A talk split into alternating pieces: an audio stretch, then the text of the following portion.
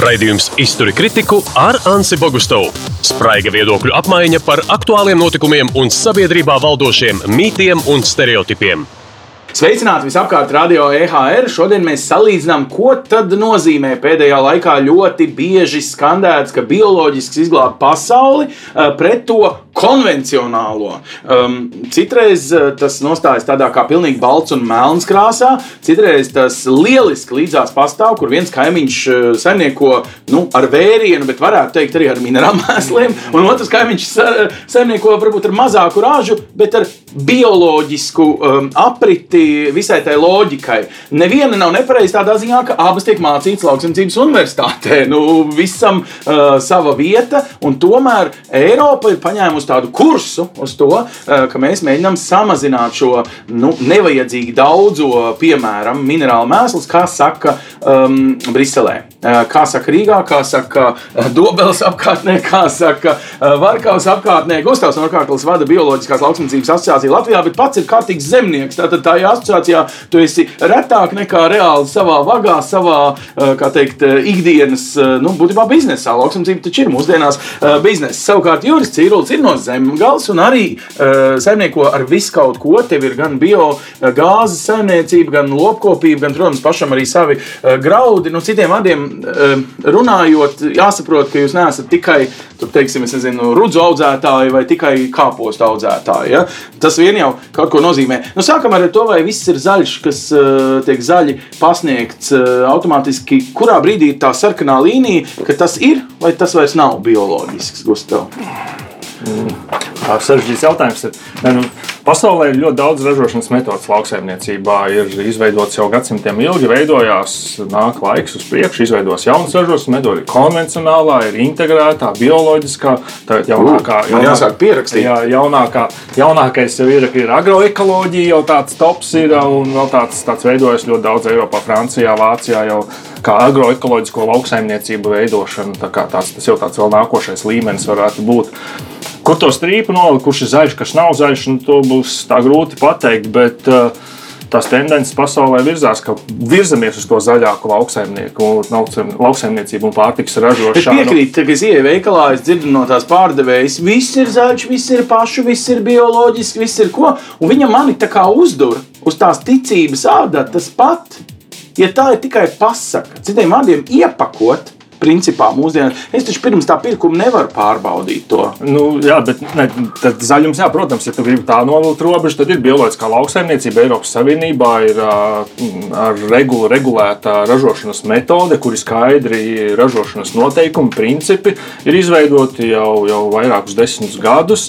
Ar katru gadu tiek uzlabots, un nākošais gads stāsies jauna regula spēkā, mm. vēl uzlabotāk, lai patērētāji uzticētos. Un ir speciāli izstrādāts bioloģiskās lauksaimniecības marķējums ražošanas metodē, kā šo produktu marķē. Un, patērētājs veiklā var redzēt uz iepakojuma. Piemēram, ja es ticu bioloģi... marķējumam, tad es jā, varu daudz maz ticēt, kas ticēt, ir un kas tas, nav. kas ir Eiropā regulēts, to, tas ir vienota sistēma visā Eiropas Savienībā, vienots marķējums, vienots regulējums, vienota uh, ražošanas metode, kontrolas sistēma, kas katru gadu tiek notiek saimniecībā.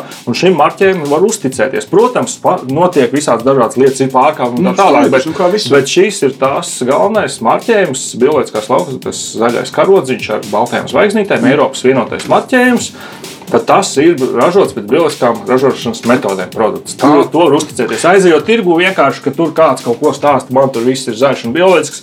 Nu, īsti tam ticēt nevar, ja nu, neparāda certifikātu, protams, ja tas ir tā ražots. Bet uh, tas ir tas galvenais, kas, kas jāskatās. Nu, un cik liela daļa vienkārši domāšanai, cik liela daļa no apsētiem, apārtiem laukiem Latvijā patiesībā strādā pēc šīs metodes. Jo es dzirdēju, ka, nu, teiksim, Āfriku tu nepabaros ar bioloģisku attieksmi, jo gluži vienkārši pasaulē pieaug cilvēku daudzums, un, un bioloģiski nozīmē arī mazākas ražas. No attiecīgi pašiem, protams, mums pietiktu, jo mums ir daudz zemes uz vienu latviešu kvadrātos rēķinot, bet tādam nopietnam eksportam un nopietnai, var teikt, pasaules glābšanai, pabarošanai šis vienkārši nestrādā. Uh pasaulē pārtiks ražo vairāk nekā vajag. Es Jā. palabošu mazliet. eh, Tas varbūt ir tas būtu atsevišķs tēma mīts mm -hmm. par to, ka pasaulē trūks pārtiks vai bats. Ir kaut mm -hmm. kas, tas ir tāds mīts radīts, lai varētu ieviest tehnoloģijas, ražot vairāk, un mm -hmm. tas ir vairāk saistīts varbūt ar biznesu. Uh, bioloģiski apvienotā nācija organizācija ir paziņojusi un veikusi pētījumu, ka var bioloģiski pabarot pasauli. Te jau tā ir ģeopolitika, -hmm. drīzāk iestājās nekā tā ražošanas metode. Uh, Šo ražošanas metodi var pabarot un daudz vajag Tu vienkārši atgādini, ka Eiropā katru trešo kilogramu pārtiks mēs faktiski izmetam ārā. Arī jā, to Nu, pašu tēmu mēs varētu ļoti plaši pieskarties par to tēmu, ka mēs saražojam pārtiku daudzreiz vairāk. Es esmu aprēķinājis Eiropas ekonomikas sociālo lietu komitejā. Mums bija par aprits ekonomiku mm. -hmm. pētījums, ka mums pārtiku izmet uh, 30% ārā pārtika. Tiek mm.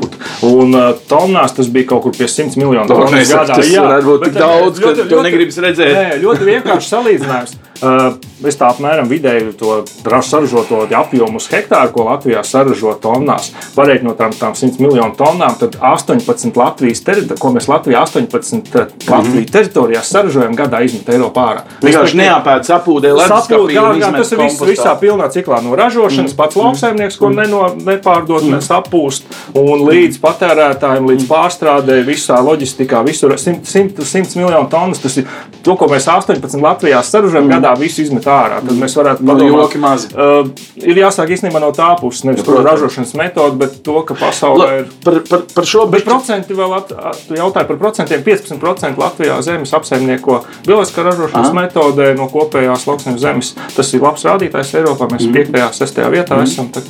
Ok, labi, apsveicu. Tad esam Jā, mazie čempioni. Jā. labi, Juri, nu tad, eh, ko īsti nozīmē šī eh, domāšana, ka bioloģisks ir loģisks un ka nebioloģisks teorētiski ir bezmaz vai kaitīgs? Vai tu jūties, ka tu esi kaitīgs zemnieks? Pilnīgi nemaz, jo mm, īstenībā jāsaprot tas, ka es nodarbojos ar to metodi, ar ko nodarbojās arī mani vectēvi, vecvectēvi un tā tālāk. Tā ir zemes kopšana, eh, izmantojot tā laika vai tās, tā brīža situācijas tehnoloģiju. Tātad, ja tie bija zirgi, mani senči vālēja ar zirgiem, parādījās čīlīts, bija jākonkurē ar, ar, ar šīm valstīm, kas saucās eh, kaimiņu valsts, ja tur Eiropa. Tā, Toreiz arī sauc par veco Eiropu. Jā, Ja? jā. Tāpat kā tagad, bagātās valsts un tā tālāk. Mums viņas ir jātur visu laiku uz graudu. Mēs nedrīkstam būt atpalicībā. Mums ir jābūt konkurētspējīgiem. Un visos laikos, visos brīžos. Un, kā saka, Latvijas labākie, lielākie, varenākie un turīgākie saimnieki vienmēr bija tie, kas sekoja, uh, ko dara viņi. Nu, teiksim, tā līdzībā, domājot, Kārli Ulmani, viņa ģimene sūtīja pēc augstām agronomijas zinātnēm pāri okeānam uz Ameriku. ļoti Viņš atbrauc, nu, ja tā salīdzina, vienkārši Kārlis Ulmans tev kaut kur kaimiņos ir dzīvojis. Es Jā, jā, saprotu, ja, tieši tā.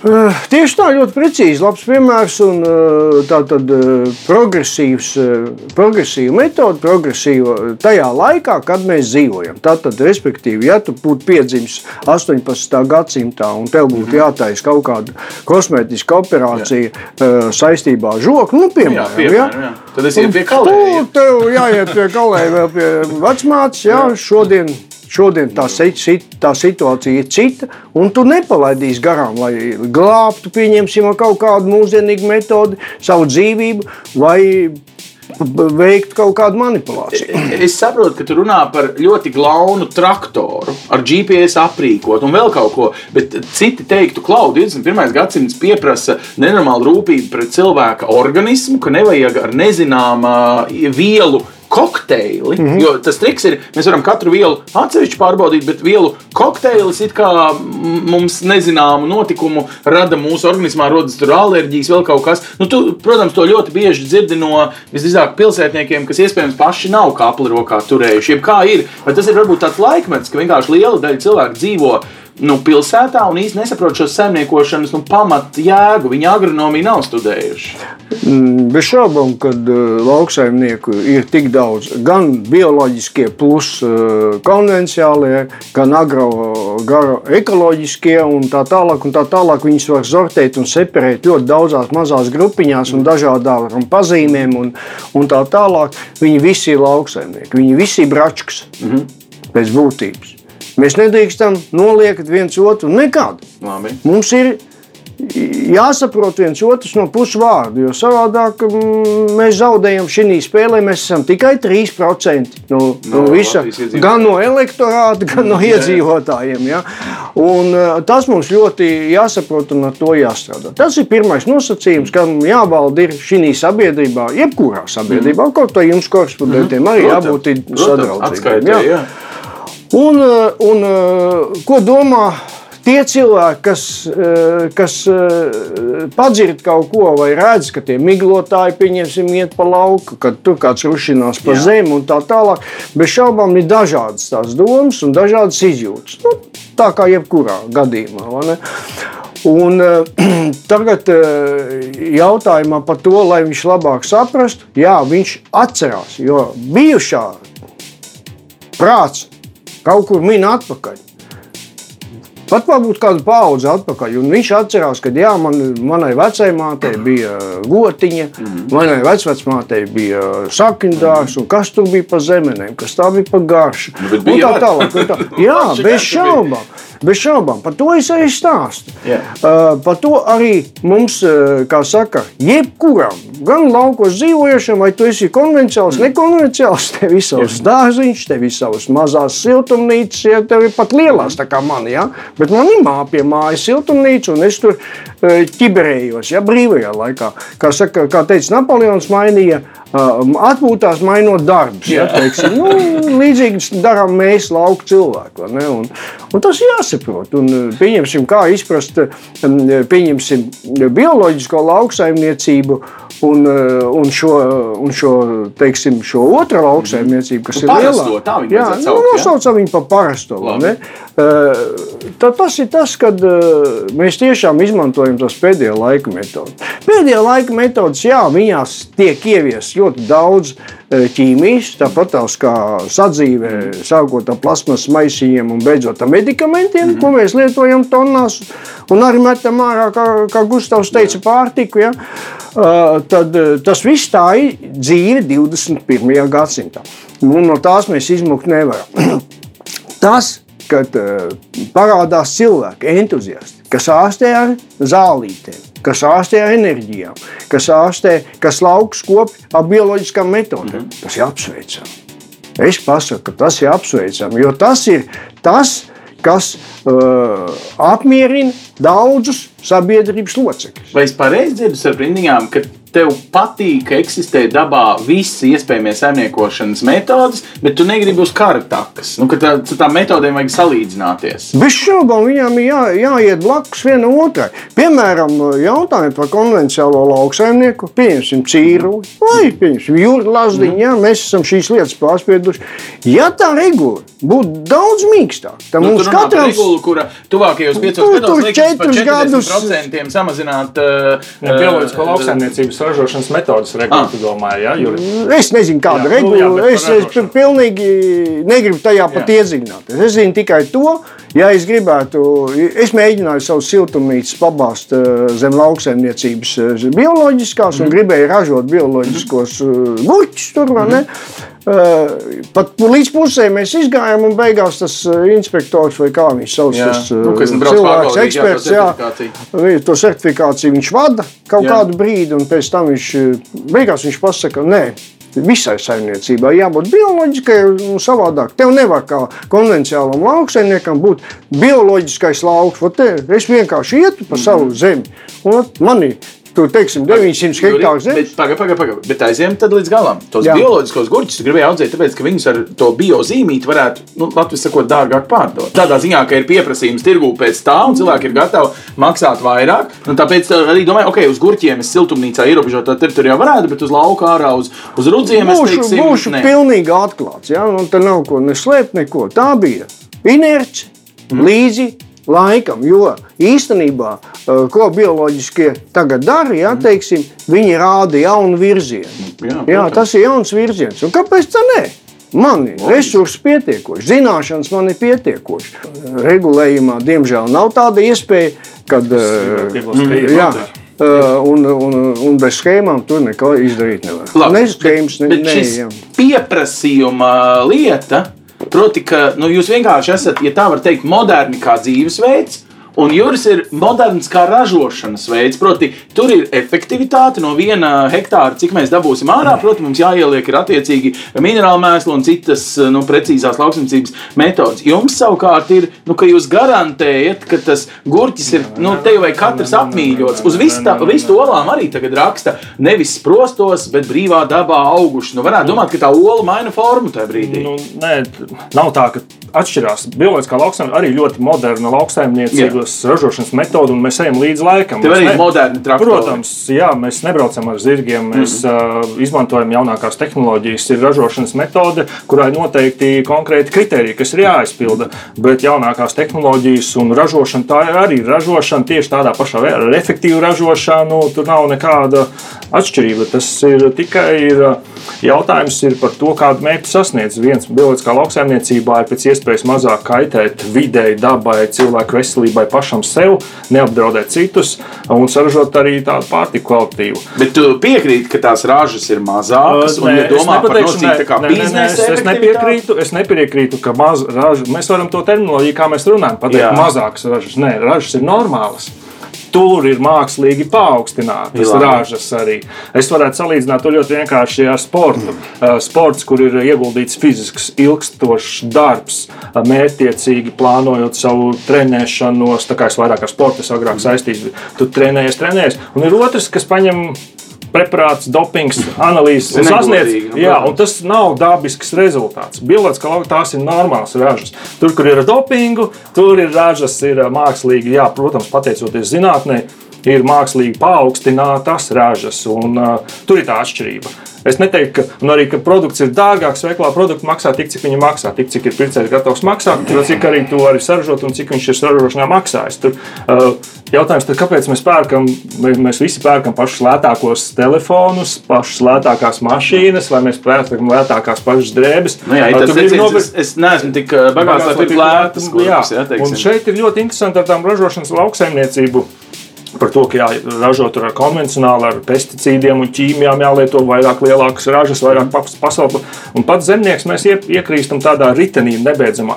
Man vajag konkurēt, man vajag vairāk, man vajag to lielākas ražas, efektivitāti lielāku, un uh, pārtika jau lētāk īsti nekļūst. Zemnieks saņem mazāk, katrs zemnieks jau vēlās saņemt vairāk, un viņš tādā ritenī iekšā, viņam to vajag, to vajag vēl lielāku ražu, bet viņam jau par to produkciju nesamaksā. Bet, ko tu jātiek ka bioloģiskie pārāk- ir spējuši izrauties no šī nu, tā kā peļņas un jā. apjoma, tāda manīgā. Arī, protams, bet viņš, viņi izraušies no tās atkarības, kas ir, ir bioloģiskā lauka jāizmanto savi resursi maksimāli, bez ārējiem resursiem. Ārējais resurs ir galējā tā robeža, ka nu, patiešām jau galīgi nevar, tev kaut kas nesanāk kādu gadu vēl, tad tu vari izmantot ir auga aizsardzības līdzekļi, bioloģiskā arī mēslošanas līdzekļi, bet tev ir jāizmanto savas resursi, savas metodas.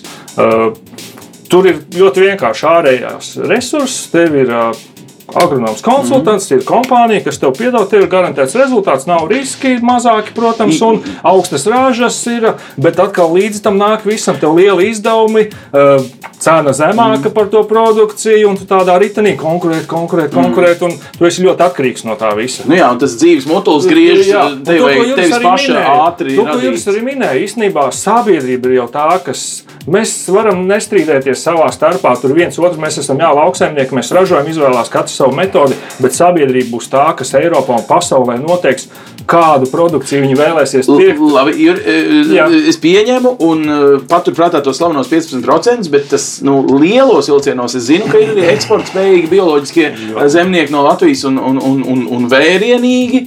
Bet tomēr nu, sanāk tā, jūs pārsvarā esat spējīgi, nu, teiksim, tu esi zemnieks saimā arī nu, salīdzinoši liels ir graudu audzētāju daudzums šajā organizācijā, bet nu, ne tikai. Jūs esat nu, tik eksporta spējīgi, saražojat trīsreiz vairāk nekā faktiski mēs piec- piecreiz vairāk nekā mēs pašpatērējam. Ja? Nu, tādā ziņā jūs esat mūsu nu, eksporta spējīgā nozare ja? Latvijā. Mums tas ir kā, nu, emocionāli ļoti svarīgi, ka mēs spējam kaut ko ārējos tirgos pelnīt. Tā ir tā īstā nopelnītā nauda. Eh, Drīkst tā uz šīs takas jūs arī salīdzināt kaut kur par to virzienu, kam es to ražoju. Jā, nu, kam ražo cilvēks, kam dzīvo, ja, teiksim, nu, dzīvo pieciem principiem. Man neteiksim, lai viņš būtu mierīgs, priecīgs, pateicīgs. Un būs būt labs pret visiem. Man, neteiksim. Tev jābūt tikai kādai pārliecībai, ka tev ir Jā. eh, nodrošinātu dzīvi. Priekš tam mēs dzīvojam. Es, tu, mm -hmm. Gustavs. Priekš tam mēs dzīvojam. Un īstenībā tad, kad eh, šeit izskanēja tā doma, ka mēs te raujamies uz kaut kādu eh, konkurenci, ja? un, piedodiet man, tie ir tikai vārdi. Ja? Jo. Kāda konkurence? Ja mēs, ja mēs strādājam un, eh, un graudu cena vai piena cena ir tāda, kāda viņa ir tajā brīdī vai šobrīd, un es skaidri zinu, ka es ar simts govīm varu tikai viens cilvēks var noturēties, lai, lai nopirktu kaut kādu autiņu māju un tā tālāk. Un uz 100 hektāriem ir, ir, ir vienam cilvēkam. Iztikai. ā, man, mana misija galu galā ar lauksaimniekam nav tomēr dzīvot uz laukiem, lai paēdinātu tikai vienu lauksaimnieku. ja? Būtu tā kā mūžīgi bet tev, tev arī tam lauksaimniekam ir bērni un tā tālāk. Tur sākās milzīgi ķēde. A, Ja man ir uzņēmums, un es ne tikai sev baroju, bet baroju veselu kolektīvu, un tas ir lauka iedzīvotājs, ne? Tā tad tur pieaug tie apjomi. ne? Un, uh, un, un tā, kad tu nodzīvo ar 200 hektāriem un saproti, es to nevaru to traktoru atļauties. Nu, nevar, nu, nu, nevar, man vajag vēl. Jā. Ka- Man vajag intensificēt. Attiecīgi, Man vajag to darīt, jo man ir. Man, jā, nu es gribu ne tikai dzīvot vieglāk, saturīgāk un, uh, un pārticīgāk, mm. -hmm. ja? mierīgāk ja? šī gadījumā. Bet uh, manu dzīvi nosaka tirgus. Bet tu pieņemtu to, ka klāt šim vienmēr tiek pielikts arī klau, bet tā attieksme pret nākamajām paudzēm, pret tiem cilvēkiem, kas to ēd, nu, pret visiem tiem, ko Ah, tu saki saviem Un- dzimtas cilvēkiem, eh, nu, ir bezmaz vai jāsalīdzina ar to minerālu mēslu, teikt, kalnu, eh, kas beigās intensificē to ražošanu. Kā uz to, nu, jo vizuāli ir ļoti viegli to aprakstīt. Paskat, kur ir eh, aizvien alerģiskāki bērni dzimst, un paskat, kur ir minerāli mēsli, ko eh, zemnieks eh, pavasarī vai rudenī Mēs minējām jautājumu par medikamentiem. Jā, piemēram. Nu, un alerģiskos bērnus noturam tajā zonā. Jā, ir. Eh, Kas attiecās par, par minerālu mēsliem un tā tālāk, tā, kad atnāca, atgriezās no, no Amerikas, vai ne, teiksim, šo čīlīti no Vācijas veda zemniekiem, mācīja, kā viņu lietot, ka tur bieži rāžas pieauga, jo Mulmanim bija tā uh, paranoja ar tām cukuru fabrikām. ne? patika cukurs. Jā, un, un, bet, bet tās rāžas nenodrošināja. Neviens zemnieks negribēja audzēt viņus, jo nu, nav. Ne? Un tad beigās brauc pie vāciešiem skatīties, kāpēc tā neaug. Ne? Teiksim, tur ir agrofons vainīgs, jo ar, ar tām dažām gotiņām uz tiem hektāriem agrofons neauga. Tur 3-4 tonnas no hektāra tas nebija ģimenes nodrošinājums. Un 15 hektāru zemes, visa zeme bija sadalīta, cik bija no baroniem atņemta, tik bija. Un vajadzēja kaut kādīgi tos latviešu zemniekus izvest ārā. Tieši tagad tas pats arī notiek. Nu, Čīlīts vai, vai mm, slāpekļi, minerāli mēsli, ja tagad dēvēt arī vēl pluso sprākstu. Jā, nu jā, gadījās vienā valstī uz Īstenībā ir uh, reāli urīnviela, un kas radās mūsu, no mums, no mums katra. Man es jūtu viņa dzīvnieku, ieskaitot cilvēku. Tā tad es te neredzu nekādu, uh, nekādu nebioloģisku ķēdi, ne, teiksim, kas attiecas uz fosforu un kāliju. Gluži tas pats. Bez fosfora uh, neaugs kauli, un, un bez kālija ne, nebūs vilmaiņas. ne? Tas, ka viņš tur lokalizējies kaut kur Krievijā, Soļigorskā, kaut kādos kalnos, nu, tas ir tiešām liels brīnums. Ja, teiksim, par to neviens nevar atbildēt. Ne? To, ka mēs viņus lietojam dažreiz hipertrofētās devās un tā tālāk, vai ne, teiksim, sekojot, ka Gustavs teica kaut kādiem konsultantiem, kaut kādiem priekšrakstiem, kaut kādām rekomendācijām, vai ne? Varbūt, ka tas tā arī ir. Bet jebkurš latviešu zemnieks ar viszemākajiem atbalstiem, kāda var būt Eiropā, viņš skatās katrai kapeikai līdzi. Jā. Nu, nebija, nepirksimies liekas minerālu mēslus, drīzāk otrādi. Par agrofonu runājot, nu tā kā zemē. Pieauga agrofons. vai ne? Nu, es nu, pat izskaidroju, ka Latvijas laikā agrofons bija ļoti zems. Padomu Savienības laikā tika nedaudz pieaudzināts, jo nu, tur nu bēra. Tu tad runā par augsnes kvalitāti, kas attiecīgi Au. dod labāku ražu. Kas pieaug- ne jau vienā gadā, vai ne? Nu, to var dabūt ja, tikai izejot no tā, gadiem. Kad izaudzēt kaut ko, ja pieņemsim, mēs varam arī pieņemsim uh, minerālu vatē. Mm, Iedodam tikai ēst, vai ne viņam, vai ne tur, nezinu, tad agroponika, ja teiksim. Nu, bez šaubām tas ir pilnīgi kaut kāds mm. nesaprotams gājiens, ne? Nu, arī man, ne? Teiksim, es nekad tā nedarītu, un pasaku Dievu. Bet pasaulē tā dara, un ļoti daudz Arī Latvijā gurķis un tomāts audzēt šitā. To es gribu pateikt tikai to, ka izaudzēt var arī jebkurā augstnē. Mm. Bet viņi jāuzlabo. Un, un, un tad tas lielais sauklis savā laikā bija. Nu, Jābūt pilnai saimniecībai, jābūt ir lopiem, tā tālāk un tā tālāk. Tad ir viss Specializā, pieejams. jā, tad mums ir pašpietiekami. Viņi arī ir pašpietiekami. Es tagad runāju par meža cīruļiem.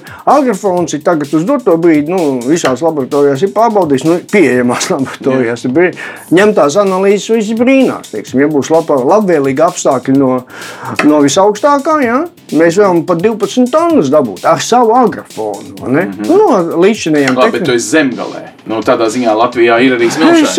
Es, es bez šaubām, bez šaubām, bet arī Latvijas vietās zemē. agrofons aug. Mm. To ne, nekādu pārmetumu nevienam, nekā vienkārši konstatācija. Kas tad īsti ir minerāli mēsli, tur, kur nav lopi, un tur, kur ir, un ja nebūtu to lopu, un viņi nebūs visur, jo visi cilvēki lopkopēs ir īpaši suga. Mm. Tas ir točs. Mm. Un uh, krāpēties ar dzīvniekiem var tikai no tiem 3%. Varbūt kā tikai 3%. Mm. Un uh, izējot no šīs matemātikas, ne, cik tas saimniecībās, cik tas hektāros tiks šis bioloģiskais, pilnais aprites aprite, cikls. Ja?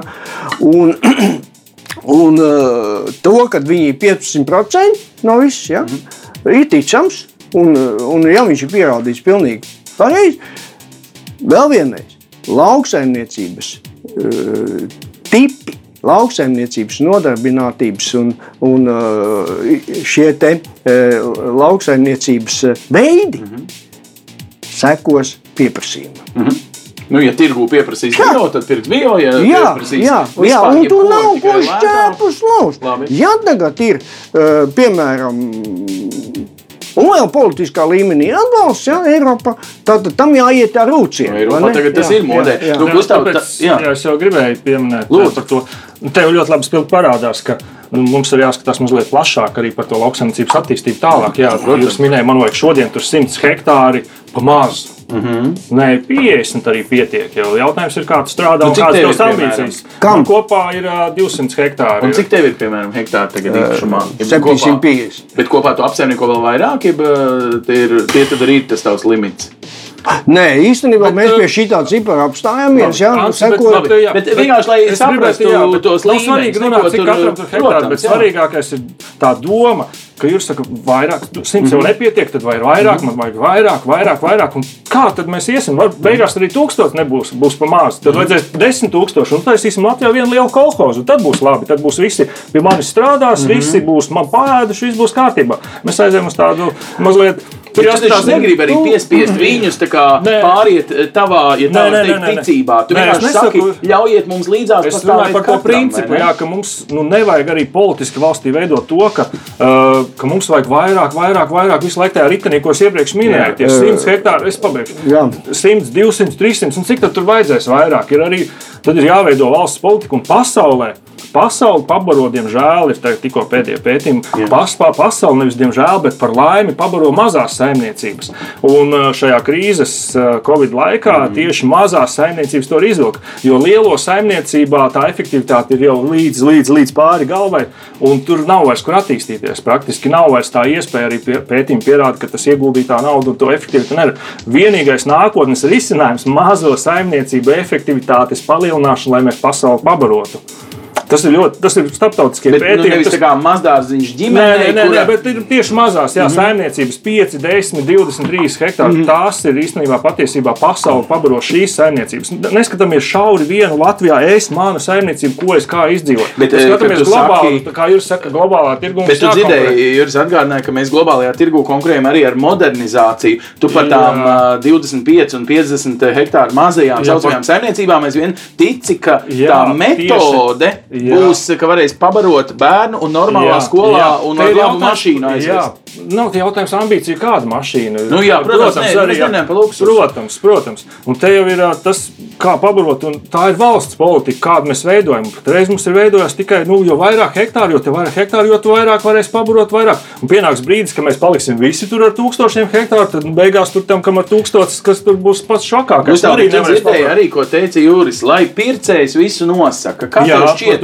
pircējam šobrīd ir kritiskā masa un sapratne, lai viņš nevis uh, vienu Jā, reizi jā, nedēļā saprotu, galvenā jā, tirdziņā, bet jā. katru dienu veikalā pieiet pie tā, nu, pieņemsim, Jā, ekopiena un redz, ka viņš ir par gabaliņu tas Nu, citreiz viņš ir tas pats jau tās cenas jā. krīt lejā. Tev taisnība, Par to jā. es arī runāju, ka ir jautājums, viss tas ir kopā ir Eiropas politikā, kā mēs veidojam to politiku lauksaimniecības, kādas mums ir prioritātes, kam mēs arī tā atbalsta nauda. Patiesībā ir ļoti liela Latvija - 3,3 miljardi lauksaimniecībā. Patiesībā iedot lauksaimniekiem ražojumu visu bioloģiskām metodēm, mēs visu Latviju pa brīvu varētu pabarot bioloģiskām- bioloģisko pārtiku. Tas jautājums ir globāli, politika, kāda ir finansējums. Un otrs, jā, protams, patērēta izglītība. Kā viņš saprot, ko tas nozīmē. Uh, minerālu mēslu, ko jūs iesākāt tēmu, mm -hmm. tas ir fosilais resurss. Jā. Vienu dienu viņš beigsies. Un tad ir jautājums, ko mēs ieguldam kādā lauksaimniecībā, ko mēs vēlamies sasniegt, kā mēs pētām. To pašu slāpekli pats par- saimniecībā var saražot. Viņš nav jāved Bet, no bet kurienes lūdzu, izskaidro man vienu lietu. Jūs tātad man parādīja piemēru, kā simts gadu laikā ir uzlabota krietni, uzlabota augsnes kvalitāte, Jā. lietojot šo, nu, sauksim viņu par parasto Nu, fosīlu, ā, fosīlu. minerālu mēslu metodi. Jā. Saki, cik ātri pa bioloģisko Man, metodi jau arī, tā- ejot? man arī tieši tāpat ir augsnes fonds, ir ļoti labs. Analīzēs ļoti labi parāda. Nav ne augsnes skābums, varbūt fosfora krājums ir mazākais, bet Un tas arī nav dari praktiski savādāk? augu saku maiņa. Dažādi man nav ir kvieši rapsis un tā tālāk. Man ir lopkopība, mm Mhm. -hmm. man ir, es audzēju āboliņu, man tagad lauki ir nokults, viss ir āboliņu lauki, tas ir slāpekļa piesaistīšanai. Tā kā ir ļoti daudz tās pašas, ko jūs minējāt, tās ir sentēvu metodes un senā Tu tad, lauksaimniecība. tad vienā gadā uz tā lauka pavasarī nokūlīja. Nu, tad Rudenī tie- nokuļoja Jā, saules, un tad vēl paspēja to āboliņu. Jā, un tagad viņš jau dod varību, varības Un tu viņu vielas. apars Es viņu vienkārši. apāršu, vai nākošais gads es vēl viņu nopļaušu, vēl viņš Mhm. dos barību lopiem, un atkal būs lopi. Ir tā ir primitīvākā, vienkāršākā metode, bet ir ļoti daudz augu sekā, maiņa augs pēc auga, kas viens otru papildina. Tā ir sen aizmirsta zinātne, kas ļoti veiksmīgi var veicināt augsni. Un te ir tā runa, ka mums jā, ražas būs normāls. Pārtiku mēs graudus mēs Latvijā saražojam piecreiz vairāk. Kāpēc mums tad ir jālieto tik daudz tā ķīmija? kas katru gadu vairāk un vairāk palielinās. Un no 11. gada, ja skatās statistiku, pat ir dubultojies. Tā ir ērtība, ir lietot augšanas regulators, kas regulē augstu, cik viņš tur augs, mazāks augs. Tā ir tīra biznesa domāšana. Tas nav saistīts ar pabarošanu. Mēs saražojam piecreiz vairāk nekā mums vajag. Jautājums.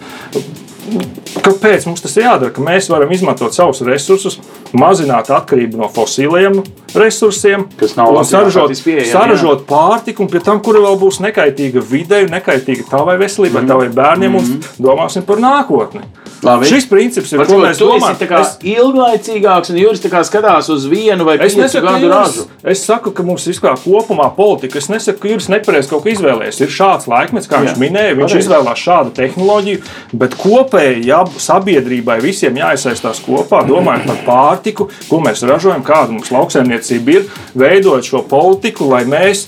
Neviens neliek ar vāru Jurim kaut ko darīt, mainīt. Ir jautājums, kas vēlās, lūdzu, redz, ka jums iespēja pāriet uz bioloģisko ražošanu un atbildot par to, ka to nevar darīt. Tur var darīt vienu lauku bioloģiski, tas Jā. nav aizliegts, tur ir varbūt kaut kāds misēklis, bet tā tendence ir pasaulē, Eiropā patērētājs ar vien vairāk novērtē un interesējās šajā modernā tehnoloģija laikmetā. Tu vari ar kameru sekot līdzi, kas notiek uz lauka, cik daudz smidzini, ko tu kaisi, kā tu audzē un kāda pārtiks kvalitāte. Juri, Tas ir ļoti bet, svarīgi. Lai, bet, lai saprastu, bet varbūt bija viens modes kliedziens, kad patiešām bija tā, ka varēja pat trešdaļu un pusi eh, dārgāku cenu bioloģisko pārdot. Tagad, kad cenas izlīdzinās, tagad arī vairs nav tāda nu, tā uzrāviena. Tu pats teici, ka tu mēģināji vienu brīdi domāt, ok, kaut ko es varētu darīt bioloģiski, kaut ko es varētu darīt uh, savādāk. Tad, ka šobrīd tas vairs tā, ja tā var teikt, tirgus vairs to nu, nepieprasa. Attiecīgi, tajā vienkārši nav biznesa. Nu, tā ļoti vienkārši. Nē,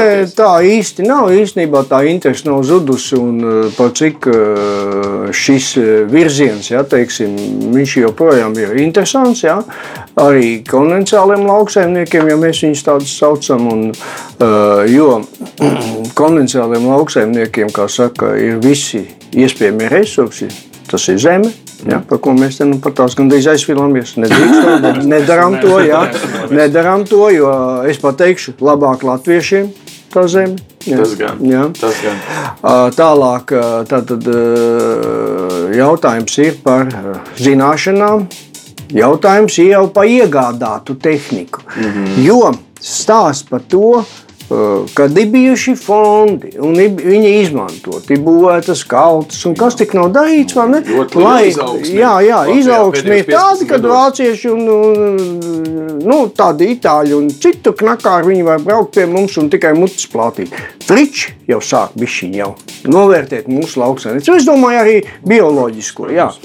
Un, un tas ir liels tomēr pagodinājums un liels prieks. Un paldies jums par to, tā sajūta. Nu, pateikt par Eiropas Savienībā. Vairāk paldies par Eiropas fondiem, ka mums ir nu devusi tik dāsnu atbalstu, ka mēs varam tik, tik, tik, Bet jūs mācījāt arī ieguldīt. Tādā ziņā jūs nevis klokerējāt to naudu, jūs ieguldījāt. Ne visi rakstīja, ne visi paņēma, ne visiem. Nu, tur ir arī prāta un, un, dvēseles kopspēle, man neteiksim, mm. kā to visu sajust, nu, čuis, ja, un tā tālāk. Uzdrošināšanās un vīzija. Jā, jā, tā ir liela lieta. Paldies. Tā tad, tā tad te nu mums abiem ir uz pleca sitiens, vai ne? Tā tālāk, kas attiecās par tiem agrafoniem, tur nav ko šķēpus laust, mm. jo īstenībā visu parādīs laiks, vai ne?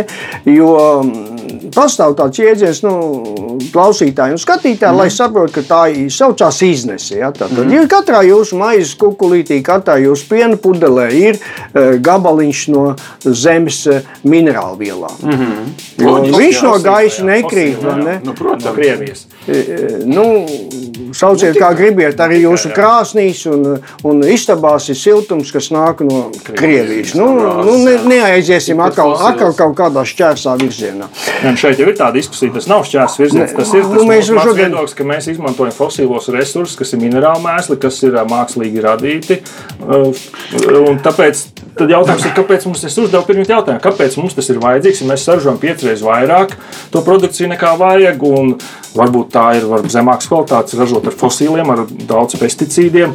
Kāpēc mums tas ir vajadzīgs valstī? Tad mēs to pašu varam sasniegt bišķiņ garākā, bet gudrā, gājienā. Gudrā, gudrākā gājienā, neatkarīgi, neiztērējot resursus, neatdodot projām uz citām valstīm to naudu par minerālu mēsliem, bet izmantojot savu resursu, kas ir augsnes auglības ielabošanai, augu seku, augu maiņu, bišķīt ilgākā laikā, pieaicinot zinātniekus vēl vairāk to uzlabot, ko Eiropa jau sola priekšā citas valstis to dara, mēs to nedarām, diemžēl. Mēs paļaujamies uz tikai pētam, kā labāk iedarbosies minerālu mēsli, mm -hmm. nevis kā mēs varam augsnes auglību veicināt un tā tālāk. Bet mēs, tādā, mēs nonāksim nākotnē pie tādas sasistas silas ēst. Nepabeidz pat Jā, nu, bet, bet saki to nākotnes sajūtu, ka varbūt tas vienkārši grib ātrāk sasniegt to nākotni un tāpēc uh, lieto šo man, kā pārbaudīto metodu. Man un maniem bērniem jābūt zemē, kas nav noplicināta. Nu, piekrītiet. Nē, nu skaidrs, nu, ka ir foršāk atstāt mantojumā kaut ko jēdzīgu. Nevis, nu, viss, un tur apakšā ir šī iznese. Un kaut kas jādod, viņai ir atpakaļ. Nu, loģiski saskaitāmā kārtība un summa ir dziļi sasa, sasaistīta savā starpā. Un tur nu, man neviens no ceļa nedabūs no stūra. Kur jūs dabūsiet to fosforu? Bet koks aug ilgi, no nu, ar domu, visu to var sasniegt Eh, darot to lēnāk un nu, pēc bioloģiskām metodēm. Viss kārtībā. Paspēlēt vienu citu metodi. Tajā ideja. brīdī, kad bioloģiskie sapratīs, ja? Ot, un, un, būs, un, un būs jāatjauno šis fosfors, ko, ko Gustavs teica, kas jau trūk šobrīd. Mm. Būs tomēr kāds bišķi jānopērk. Būs jāpērk, viņš varbūt košera variantā. Ja? Jā. Nu, jā, es biju noliktavā tepatās uz Zelzavas ielu, kur bija košerskī, minerāļnī un dabrēņī. Wow. Tad, nu, Tie paši, bet tikai zieģelis virsū. Jo tāpēc, ka tur Baķuška bija atnācis un devis svētību, ka šitos var dot. Bet tā, tā ir. Jo iznes paliek iznes, un tas ir nežēlīgs process. Un, un zeme ir zeme, un jūs gribat, lai jūsu bērni Jā. saņemtu kalciju un Skaidrs, fosforu tik daudz, lai viņiem nebojātos zobi un kauli būtu veseli. Nu, mums jācenšas izaudzēt preces tādas, lai viņas būtu pēc iespējas bagātākas ar šiem elementiem. Pagaidiet, bet vecais nosaukums ir augu seku. Nu, to es bišķiņi dzirdēju, ka augu seka, ja tu pareizi uh, secībā, kas ir izpētīta augstskolās, uh, pierādīta, principā tā ir cita lēnāka, ne tik ātra, bišķiņi varbūt atgādina veclaicīgi, bet retro tagad ir modē. Nu, paskaidrošu. uh, Paskaidrošu, augu seka, augu seka. Ja, tā tad saglab, ļauj saglabāt, neizskaloties uh, augsnē, dažādos horizontos, Jā. ja tur ir sakņu sistēma un tā tālāk. Tiek ievērtēta, bet galvenokārt kalpo uh, uh, amoniaka. Tas ir slāpekļa uh, cirkulācijai augstnē un, un, un šitam te. Kas attiecas uz kauju un uz fosforu, ko tu dod iekšā. Ja? Nu, mm, tu, Pasakiet, ko mēs viņu ņemsim. Ja? Es, Nē, nu, ja grib 10, 12 tonnas ražu no hektāra, tad, protams, tur citu variantu nav. Tās šķirnes, kas ir Arī selekcionētas, A3 viņas ir un- prasīgas pēc tādas. Ja es paņemšu 12, es Gustav, bišķiņ, ja? tātad, ja es 12 tonnas, nu, pieņemsim 12 tonnas, ja? tas ir Desmit, pārspīlēts nu, labi, jā, cipars. Tu minēji par 10 tonnām. Es nezinu par pienu vai par graudiem. Tu minēji. Es Jā, nezinu. pa pienu. Par pieniem, par graudiem tad 8. Jā, tā tad eh, stāsts ir par to, ka uh, 10 ir 3,3 apmēram. Mhm. 3,3. Nu, tā tad tas, ko es iznesu Mhm. pa vienu gadu, Gustavs iznesīs pa trīs gadiem. Piemēram. Mhm. Nu, tā tad ilgākā laika posmā, bet iznesīs. Nē, es dodu atpakaļ. Nu, Kādā kā, nu, tā viņa Nu, augus fosforu. Pats grauds jau ļoti maz iznes. Man ir sauna, paliek uz augšu. Tad ir nākamā gadā zaļmās. Bet tu esi Ja, bet cik tu iznesīsi. Salīdzinoši ar Tur jau jāliek, eh, jāliek kolēģiem, un jārēķina. Nē, nu, tas ir ļoti vienkārši jā. Ir aprēķins, ir kāda raža un cik Mēs ir jau atdodam ir. atpakaļ, Un uh, augsnē ir fosfors ir pietiekoši. Tikai jautājums, cik augsts teiks uzņemt un kāda tev ir augsta struktūra. Mans priekšlikums-. Mēs labi neiedziļināsimies. Bet, bet, Augsnes pausties, bet, puiši, agroķīmijā, bet, bet jā. augsnes agroķīmija ir liela zinātne, kas visdrīzāk Protams, tas nebūs akadēmijā jā, jā. jums ir cits kaut kas. Bet viena lieta gan, tas, ko tu teici, Kārlim Ulmanim gribējās tās cukurbietas, tad pa vidu bija Hruščovs, viņam gribējās un nesanāca, un tagad atkal kukurūza aug, jo ir citas, nu kā teikt, tehnoloģijas un arī šķirnes un ko. Bet vēl, un šogad tas izvērtās, un, un Gustav, man gan arī tā kā privāts jautājums, Jā. tā bija kaut kāda sazvērestība pret zemniekiem, teiksim, zemgalē, kad, nu, tika viņi Instagramā, nu, es teiktu, pazemoti, ka bez mazliet, nu, tie, zini, nefotografējieties rapšu laukā, jo viņi ir migloti, jo tad, nu, kad tas simbols, tie dzeltenie Latvijas lauka, kas ir jaunā ainavas sastāvdaļa Latvijā pēdējos, teiksim, 15 gados, ja? um, Nu, ka, ka viņi ir tā ļaunuma sakne. Sanāk, ka tie jaunie, ko tu saki, izsūc labumu no zemes augi.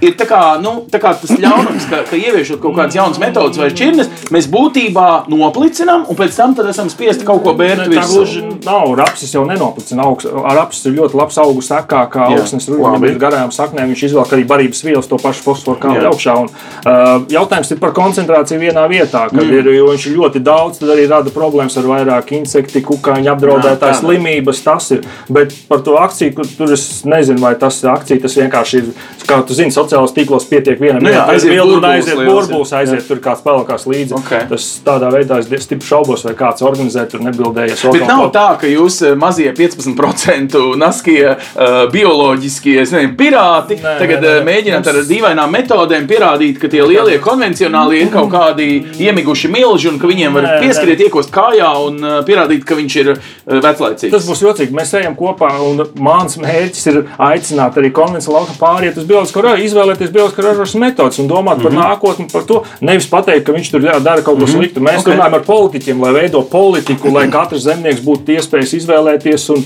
šāda metode arī meklēt pierādījumus, ka tas nav tas labākais veids. Un runāt par rapsi, es arī pats uh, rips audzēju savukārt mazliet savādāk, Ah. kas neprasa tik daudz ķīmiju. Viņš ir viņš- un pietiekoši labi aug, un viņš man ir augs tā kā viņš kā augsnes uzlabotājs ir uh, un ļoti ātri un efektīvi uzlabo augsni.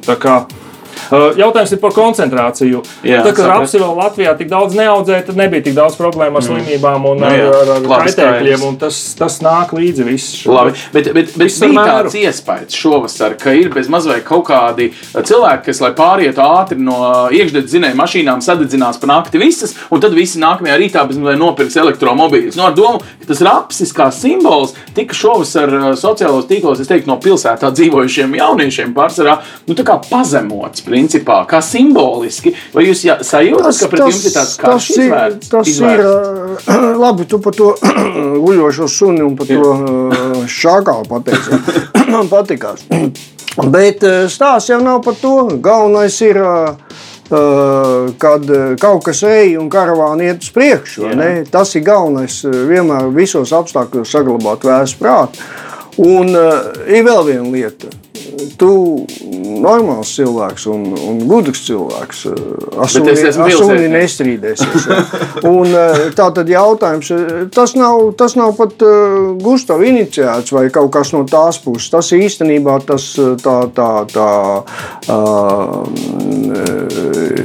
IT diversija, ja, tāda. Ja. Viņa bija.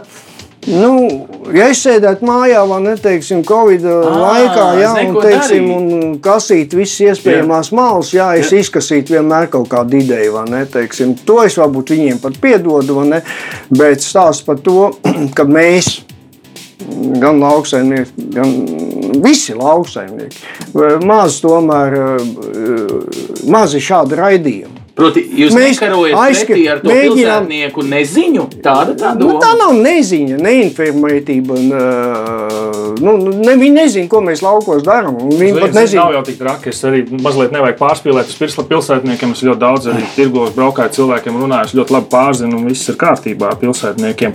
Protams, es saku, tā ir tā šīs dienas priekšrocība par sociālajiem tīkliem, ka tas aiziet vienkārši un pavalkās līdz tam cilvēki. Un, un ir kaut kāds, ir ne tikai par vienu rapsi, jebkuru tēmu, jebkuru politiķu, vēl kaut kas, un aiziet ļoti Ja, bet, plaši. bet ļoti saku, ātri lūdzu, tā bet uz informācija. tirgiem, kur piedod, bet ir modīgi. Un bišķiņ dārgāk kā parastā veikalā. Ne tikai. Atnāk tāda sabiedrības, nu, ļauj man teikt, domājošākā, nu, tāda nu, elitārākā, nu, tāda mm, Neteikšu, daudz strādājošā un daudz lasošā daļa. Bet Jā. cilvēks, kas stāv maksimā pēc lētākā iespējamā produkta pie kases. nerunās, viņš arī neko nestāstīs. Viņam Bet viņš vienalga. nav tas izglītotājs. Viņš jā, bet... pērk jebko, galvenais viss nosaka cena. Nevienmēr arī tā ir. Paskatoties uh, cilvēku iepirkumos, man patīk stāvot veikalā, paskatīties iepirkumu grozos, ko pērk cilvēki. Profesija. jā, nav, nav tā cena noteicošās. Nu, Daudziem ir, protams, cilvēkiem ir, kam ļoti trūkst finansējums, un viņi meklē pašu lētāko, Mhm. bet, ja paskatoties ir ceļš pilsētā, Rīgā, lielveikalos, kas pārtikas grozos nonāk, tad jautājums, nu nē, man neliekas, ka tam cilvēkam trūktu naudu, lai nopirktu varbūt mazliet dārgāko Mhm. uh, bioloģiskās lauksaimniecības produkciju tajā veikalā.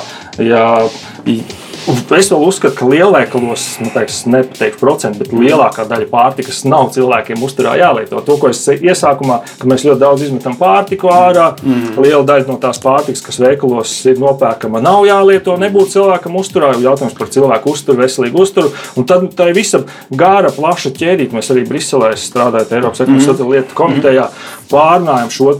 Nevar būt kopēja lauksaimniecības politika, tad pārtikas tur, uh, politika, jābūt visa ķēdīte, sākot no lauksaimnieka līdz patērētājam, līdz ap, aprites ekonomikā, visām jābūt kopā sasaistītām. Jo tas viss ir saistīts. Cik ko lauksaimnieks ražo, ko kā mēs patērējam, kāda mums uztur piramīda, cik mēs izmetam ārā, cik neizmetam Labi, tātad tu saki par sasaistītību. Es tev gribu Juri, paprasīt savukārt par priekšniecību Briselē. Priekšniecība Briselē, un uh, tas ir ilgi tapis, ir nolēmusi, ka drīz ir, un viņi ir diskusijas stadijā. Tādā ziņā tas ir uzrakstīts melnraksts, nevis jau noņem, pieņemts likums, ka vidēji par 40% būs tuvākajos gados jāsamazina šis minerālu mēslu daudzums uz hektāru. Nu, 25 minerālais un 50 pesticīdi. Jā, nu, lūk, Nu, tā. tā, bet Jā. taisnība, tas ir di- dažādas vielas Jā, tomēr. Um, tad, ko tas nozīmē zemniekam, kurš ir uh, pieredzējis saimniekot pēc tevis aprakstītām metodēm, saņemt mazākas ražas nākotnē un tuvoties šim uh, nu, cita veida saimniekošanas veidam, varbūt aizdomāties par iespēju iesēt to uh, aboliņu, lai piesaistītu slāpekli. Nu, ko tas praktiski Aboliņu tuvākajos sēšana neko neglābs. Labi. Tā tad jautājums ir par to, ir par to uh, kur tad īsti ir šī pārdozācija? Kur ir par daudz bērnu, kur par daudz dara, un kur met ārā produktus, un kur pie miskastēm stāv kalnu un tā tālāk. Es šito miskastu fenomenu redzēju Latvijā. Tas bija pirms 2008. gada. Kalvīša burbuļu laikā. Ja? Ah, jā. Tad O, jā. smirdēja visi pagāli. Mm -hmm. Met ārā pusie, pusiekos des, tikko parādās kaut kāda nenopelnīta nauda. Pilsētā tā tūlītās aiziet pārtiks produkti, nogaršot, viņi iet projām. Tas nav labs. Jā. Un tā kaut kā tā apmēram. Kas attiecās par, par eh, tām zemēm, -hmm. kur arī šis eh, atbalsta procenti ir lielāki. To arī acis nemirkšķinot vairāk visu, ko pērku. Arī minerālu mēslu, arī tos pašus pesticīdus. Un tad ir jāsā, jādomā par to, kurā vietā mēs esam uh, Latvijā, teiksim, attiecīgā līmenī. Ja? Ja? Tātad, Nīderlandē ar viņas Jā, lauksaimniecību cilvēki nav tik līdzi rēķinoši zemnieki. Gan jau, zemnieki. gan jau rēķini, bet tā pie liela atbalsta. Rocības, rocība ir lielāka. Jā. Jā, piekrīt. Nu, tā tad es domāju, ka tie procenti vairāk vai mazāk pirmkārt skārs šai, šīs pārdozācijas. S- e, Minerālu mēslu, herbicīdu, fungicīdu izmantošanas schēmas. -hmm. Izretinot tur atsevišķas reizes un optimizējot šo- šos apstākļu skaitu. Lieliski. Jā, jā. Nu, bet tas ir tas kopējā litrāža, tā teikt, izsmidzinātā arī samazināsies. Tātad, Nu, Eiropa tā ir liela teritorija. Jā, jā, bet jā. Nu, mums ir skaidrs, ka jādomā par savējo. Frančūžu Pa- pa- Domājot par Latviju, mēs esam tālu priekšā, un mēs, mēs, mēs tajā līmenī, kad lai viņi samazina. Ja? Un tad mēs Bet jūs saprotat, ka Eiropa jau katrā valstī rēķinās atsevišķi. Jums samazināt nāksies pēc šobrīdējā ap- apjoma. Es saprotu, es saprotu, jā, es saprotu, ka tas tā būs. Un, uh, respektīvi, ir tā, vai tu kaut ko tam vari izdarīt? Ja? Sēžot te studijā, ja? mm -hmm. Gustavs Smaida, es biju tāds sarūktināts, es, jo es daudzas lietas saprotu, uh, kas var notikties. Un es saprotu to, ka uh, tas uh, Nu, mums bet būs ļoti visai smagi. mazāka raža. Uh, Raža būs uh, mazāka uz daudziem, uz daudzu faktoru. uh, Ja, rā- nu, mazākā līdzinējā. Nu, tā. Es tev nepārtraucu. Tā tad eh, būs šī raža mazāka, būs, būs es domāju, ka būs palielināsies eh, zemes apstrādes daudzums. Tad šī fosilā, fosilā degviela būs nepieciešama vairāk, vai ne? Jo, nu, Biežāk ā, apars jā, visu kaut ko. Vajadzīgs tad lielāks eh, dīzels aizies vairāk. Nu, labi. tas tā, pieļausim, ka varbūt tajā laikā varbūt dīzels vairs nebūs. vai Ne? Varbūt, ka ka mēs iesim uz e-traktoru iesim ar- ar, e-traktoru. Nu, tas tā, tas ir smaidām, vai ne? bet īstenībā vai ne, teiksim, eh, kustība uz laukiem būs lielāka. Ja? Sam, jo, e, ko, ko dara fungicīdi, herbicīdi un tā tālāk? Viņi optimizē e, lauksaimnieka dzīvi. Mhm. Gan noņem laika. slimību riskus. Jā, jā? dažādi, dažādi profilaks pasākumi, un to var mierīgāk varbūt gulēt e, un, un, un, un, un, un, un, un neme, ne, nemeklēt tās slimības uz lauka, tā kā varbūt to darījām Nu, nezinu, kad vai ne, jo 90. gados mēs tieši tā, sitāmies cauri un, un audzējām, un ka bija gan, gan šie sniega izgulējumi, Jā. gan, gan miltras. Nu, no vienkāršām lietām lauki bija pliki, vai ne, teiksim. Un kāda, tā, kāda tie graudi aizgāja uz pilsētu, tas vēl jautājums. Nu, tāda laika bija mitrāks gads un tā tālāk. Un, un e- es uzskatu, ka kad eh, kaut kādā laika periodā konvencionālais eh, dabūs ciest. Tad tuvākajā laikā tas nozīmē, ka daži no konvencionālajiem Es neesmu redzējis vēl to regulējumu. Es saprotu- Ne, nu, viņš jau vēl tikai tur. Jā, nu, tā kā viņš uztaps, un mēs nezinām, kādi būs nosacījumi vēl viņa ieviešanai.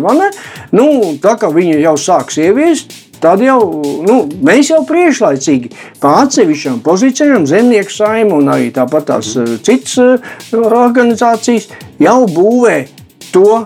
Uh, To vīziju, mm. kāda varētu būt, ja tā nedarīs, vai tā nedarīs, vai tā nedarīs. Un tas nav ļauni. Nu, tu tā plašāk runā par ilgtermiņa ieguvumiem sabiedrībā, vai tas ir tas pasūtītājs patiesais, samazināt šo minerālu mēslu daudzumu un, un ko, jeb eh, tiešām varbūt viltīgi pievērst, ja tā var teikt, bioloģiskām metodēm tos, kur līdz šim ar, ar labu vai ar, ar kaut kādu sirdi nav uz turieni gājuši, bet, bet nu, tagad ieraudzīs, ka ok, tad, tad varbūt tiešām ir, ir, ir cits es domāju, ka jālieto vai kā. nav jau nekāda Eiropas komisijas ētas organizācija. Viņi, viņi, lai šo visu sagatavotu, ir pietiekoši daudz ilgi ir pētījumi bijuši, un uh, cilvēki ir strādājuši, ierēģi ir strādājuši. Ir ļoti pietiekoši daudz Eiropā pētījumu arī par kukaiņu iznīkšanu, par uh, insektu iznīkšanu, ietekmi uz augsnes veselību, uz cilvēku veselību. Uh, Plus vēl tas ir par to, ka mēs arī to varbūt tā skaļi ne, nepublicējam par to patēriņu un cik daudz izmet ārā pārtiku, ka mēs arī Eiropā saražojam pārtiku vairāk nekā vajag, un mums viņa nav kur likt. Tas rada atkal slogu uz lauksaimniekiem, ka mums ir cenas zemes, mums atkal nav kur tirgot, ir negodīgas tās ķēdes, tirzniecības.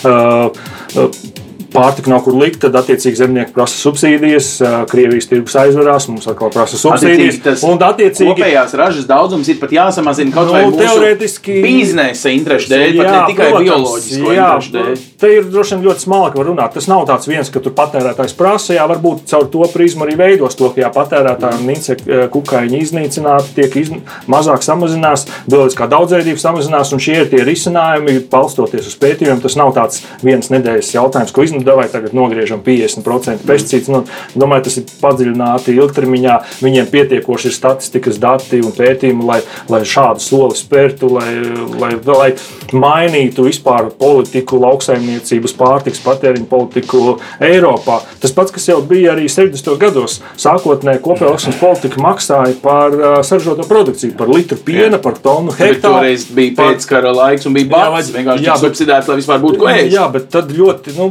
Bācis jau 60. Nu, gadi, taisnība, jā, taisnība. tas jau 70. gados un sāk saprast, ka mums ir saražots tik daudz Eiropā, viss pilns ir, visi ražo, mēs varam saražot vēl vairāk.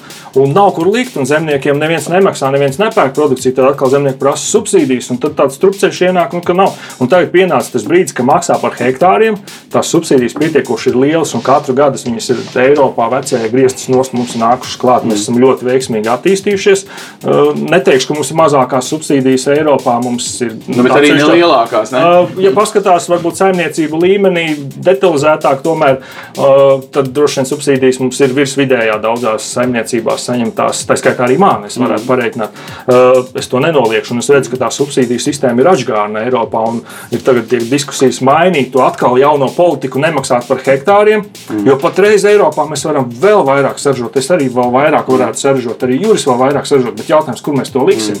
Cilvēki tik daudz tomēr nepieaug un nav pasaulē tā, ka būtu bats. Nu, labi, Tā kā- šito- šito tāpēc tas ir raidījumā. Jā, tas ir Eiropas, par Eiropas par, par to, ka noteikti jā, tos samazinājumi, tas ir droši vien pētījumos balstīts un ir ilgtermiņā bija Bet 25. Tu saki, ka tagadējie 15 dēļ šīs regulas tuvākajā piecgadē principā pieaugs un bioloģisko lauksaimnieku būs vairāk un Es konvencionālo domāju, mazāk. ka jā, bet tagad ir tikai 15% no kopējās Jā. platības un Eiropas. Kā saka Latvijā, ambiciozais mērķis 25%. Kas ir 25%? Mm -hmm. 75% platības vienalga tiks apsaimniekot konvencionāli. Mm -hmm. Man liekas, ka tas mērķis ir tik neambiciozs, ka jādod iespēju vēl vairāk. Nu, Pagaid, ja būtu vairāk mērķis, ir eh, tavas dzīves laikā redzēt, ka visi eh, Mēs- ražo bioloģiski. virzamies uz ilgspējīgu lauksaimniecību un mazinām pesticīdu ietekmi. Jo kas arī mani uztrauc, kā lauksaimnieku, eh, labi, lai lieto, es izvēlēšos bioloģisko pārtiku, ja es tas viss kārtībā, man tā kā varbūt neuztrauc. Bet, ja es redzu kaimiņos, man teiksim, es dzīvoju pie ezera, otrā pusē ezeram, un tur tālāk ir kur upes saticis basēns, tur ļoti intensīvi saimnieko, tur tikai es redzu kviešus, rapšus un eh, vienā veidā miglošanu, tad jautājums, kas man notiek ezerā? Un tas mani satrauc kā sabiedrība. Es varu izvēlēties pārtiku sev nekaitīgu veselībai Jā. no pesticīdiem, bet jautājums, kas notiek mm. to, ko sabiedrība ar to rapsi ceļ sabiedrību sociālos tīklos Jā. par pesticīdu lietošanu, un viņi ļoti intensīvi redz, ka tas ar vien uzskatāmāk parādās, ka tā miglošana notiek. Un tāpēc, un otrs jautājums par minerālu mēsliem. Baltijas jūras piesārņojums, lielākais piesārņotājs, diemžēl, ir lauksaimniecība ar minerālu mēsliem, un to Eiropas komisija ļoti labi apzinās. Un Tāpēc ir šie soļi šajā jaunajā stratēģijā par to visu jautājumi. Bet tās ir vēl garas diskusijas, un tie procenti droši vien vēl mainīsies, un tie nosacījumi un kritēriji. Jūri, mēs esam ienākuši ciklā, kurā nu, mēs ražojam tik daudz, cik ir jau galīgi pa daudz, un to saka ne tikai bioloģiskā lauksaimniecība, to saka arī Eiropas komisija. Eh, nu, varbūt gluži vienkārši tu minēji, ka 3% šobrīd ir zemnieki, vien, kas tiešām ražo tirgu. Mazus mazu stāstu viņi izstāsta. Nu, tā, tā lai būtu skaidrs, kā tas viss ir. Eh, 2000 6. un 7. Mm. gadā. Um, tieši tā kā tagad bija drausmīga pārprodukcija Eiropā. Mm. Uh, tajā laika periodā ļoti viegli bija pateikt, ka uh, eh, tie graudi, priekš kam viņi vajadzīgi, tik daudz. Uh, audzēsim kukurūzu un iegūsim gāzi. Mm -hmm. Vācija sastādīja programmu, nepirks fosilo gāzi, uh, no Krievijas negram. Jā, nu, tāds, bija, tā, bija tāds mērķis. Jā, viņš saskana ar Gustavu, Gustavu teikto vienu frā, vien frāzi. Uh, un tā tālāk. Rāva augšā bija atbalsts, un tā tālāk rāva šīs biogāzes rūpnīcas, sēja milzīgas platības ar kukurūzu. Kritikt vienu gadu un nav ražas. Slapjums, mums jau bija šis no, nu jā, moments. Ja? Jā. Uh, sausums savienots kopā vienā gada laikā. Momentā graudu deficīts, graudu cenas augšā, vispār Eiropas parlamentā. A, kāpēc mēs audzējam to kukurūzu? Mm -hmm. Ak, tā mēs viņu biogāzē. Bet taču Krievijas gāze tepat tās ir blakus. Mm -hmm. Bet vēl viņi te šausmīgi lēti. Ko mēs te darām ar savu tautsājniecību? Svīta pāri. Arī mēs esam slēguši savu staciju. Mm -hmm. e, mums man arī biogāzes stacijas, viņa ieslēdz ciet, jo tāpēc, ka politiskā situācija uz šo brīdi ir tāda, ka viņiem nevajag to. Viņi domā tikai par šo fosilo, gan tā kā tu teici, minerālu mēslu jomā, tāpat tās arī e, kurināmo un energoresursu jomā nav nekāda kustība šobrīd, kas varētu vēstīt par to, ka Latvijā mēs esam izdomājuši iet šajā zaļajā virzienā, kas saucās nepiesārņosim dabu ekoloģiju. Bet ja, viss, ko tu stāsti, nu? ir, ka tavu pēdējo 20 gadu pieredzē pirms iestāšanās un pēc iestāšanās Eiropas Savienībā šie cikli, šī domāšana, ka rapsis izglābs pasauli, domāšana, ka uh, nu, nu, jā, transporta jā. pasauli, šī domāšana, ka biogāze, tad ir dabiski dzīves cikli. Mans jautājums tāds varbūt bioloģiskā saimniecība, nu, tu viņu kaut kur zemapziņā uztver kaut kā līdzīgi, ka tas ir vienkārši tāds cikls, ka tagad tas ir modē. Nu, nu, nu, nu, tāpat kā modē ir būt hipsteriem un braukt ar divriteņiem. Nē, nē, nē, tā ir tik tālu tu piekrīt, ka tas ir ilgtermiņa domāšana, tas, ko Gustavs uzsver. Es neuzskatu pilnīgi nemaz labi tur aiz muguras stāv ietekmīga politika, teiksim, Eiropā uz šo brīdi. Ja? Mm. Viņiem ir, kā saka, ļoti plašas eh, iespējas tagad bioloģiskiem lauksaimniekiem. Es nesaku, ka tas ir slikti. Es nesaku. Jo arī tad, eh, ja šis mazais saimnieks, ja, var apliecināt sevi kā lauksaimnieks, ja, un, un kaut kā viņam nav strādnieku, ja, teiksim, bet viņš ir tajos laukos. Man kaimiņos ir viens uh, mazais zemnieks, bet viņš tomēr viņam bija 100 hektāri, bet viņš izspiests strādāt uh, tankštelē pa operatoru. Nu, neko nedēsies. Es vēl vairāk skatos uz viņu, un tāpēc mm. bieži vien domāju par tām mazām saimniecībām. Mm. Es skatos, kā tas cilvēks. Tas ir mazs, vienam ir 100 hektāri, mazs nu, ir. Jā, bet tas ir, bet rēķina gustav, tas jā, ir zemgalē, jo kā ir pie tam pie lielām ražām un vispārējais, kā tas tirgus. Ot tā, nu ne jau teiksim, ka tas... Kāds viņam ir nākotnē, ko, ko tu ierosinātu, kā darīt tam 100 hektāru, viņam pārdot, atdot tev un viņam iet tankštelēs. Nē, man viņa, man viņa zeme nevajag, man vajag uh, kaimiņu lojālu, mm. kaimiņu nu, priecīgu, mierīgu cilvēku. Tā kā... Tad iedod viņam, lai 200, lai viņš var izdzīvot, varbūt, lai nevajag tankštelēs. To es arī, to es arī nedarīšu, jo tāpēc, ka, kāpēc viņš izlaiž iespēju garām uh, kooperēties ar tādiem līdzīgiem un tā tālāk, jo nevajag būt pasīviem. Es citos arī tāpatās, kā, kā tanks gāju varbūt brīžiem un tērējot savu veselību un vispārējo. E, šeit ir tās pašas iespējas. Un bioloģiskie tieši to pašu tagad iet cauri. Tur ļoti daudz cilvēku sitās ar galvu pret sienu. Mm. Jā, bez zināšanām, bez neko. Nu, ko, e, mēs tikai ieskicējām šajā sarunā to sajūtu. E, viņa nav ne balta, ne melna. Viņa pat nav arī zaļa, vai es pat nezinu, kāda konvencionāla krāsa vai lauksniecība. Tā pati zaļā jau vien ir.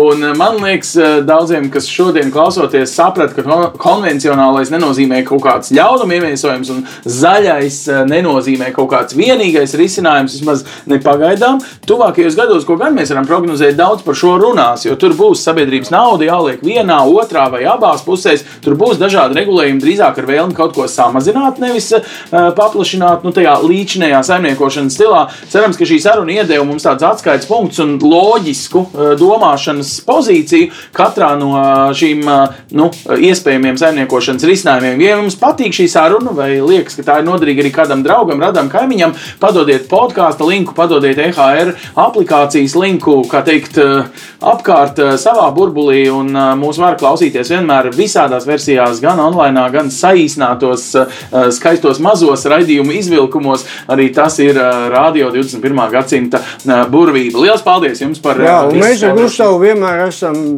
priec, būsim priecīgi skaidrot šīs lietas no divām pozīcijām. Un, un, un, un mums žurnālistiem savukārt tieši divas pozīcijas arī vajag, jo tieši pa vidu tad parasti arī ir tā, nu kā teikt, īstā patiesība. Lielas paldies! Uz redzēšanos! Paldies jums! Projektu finansē Mediju atbalsta fonds no Latvijas valsts budžeta līdzekļiem.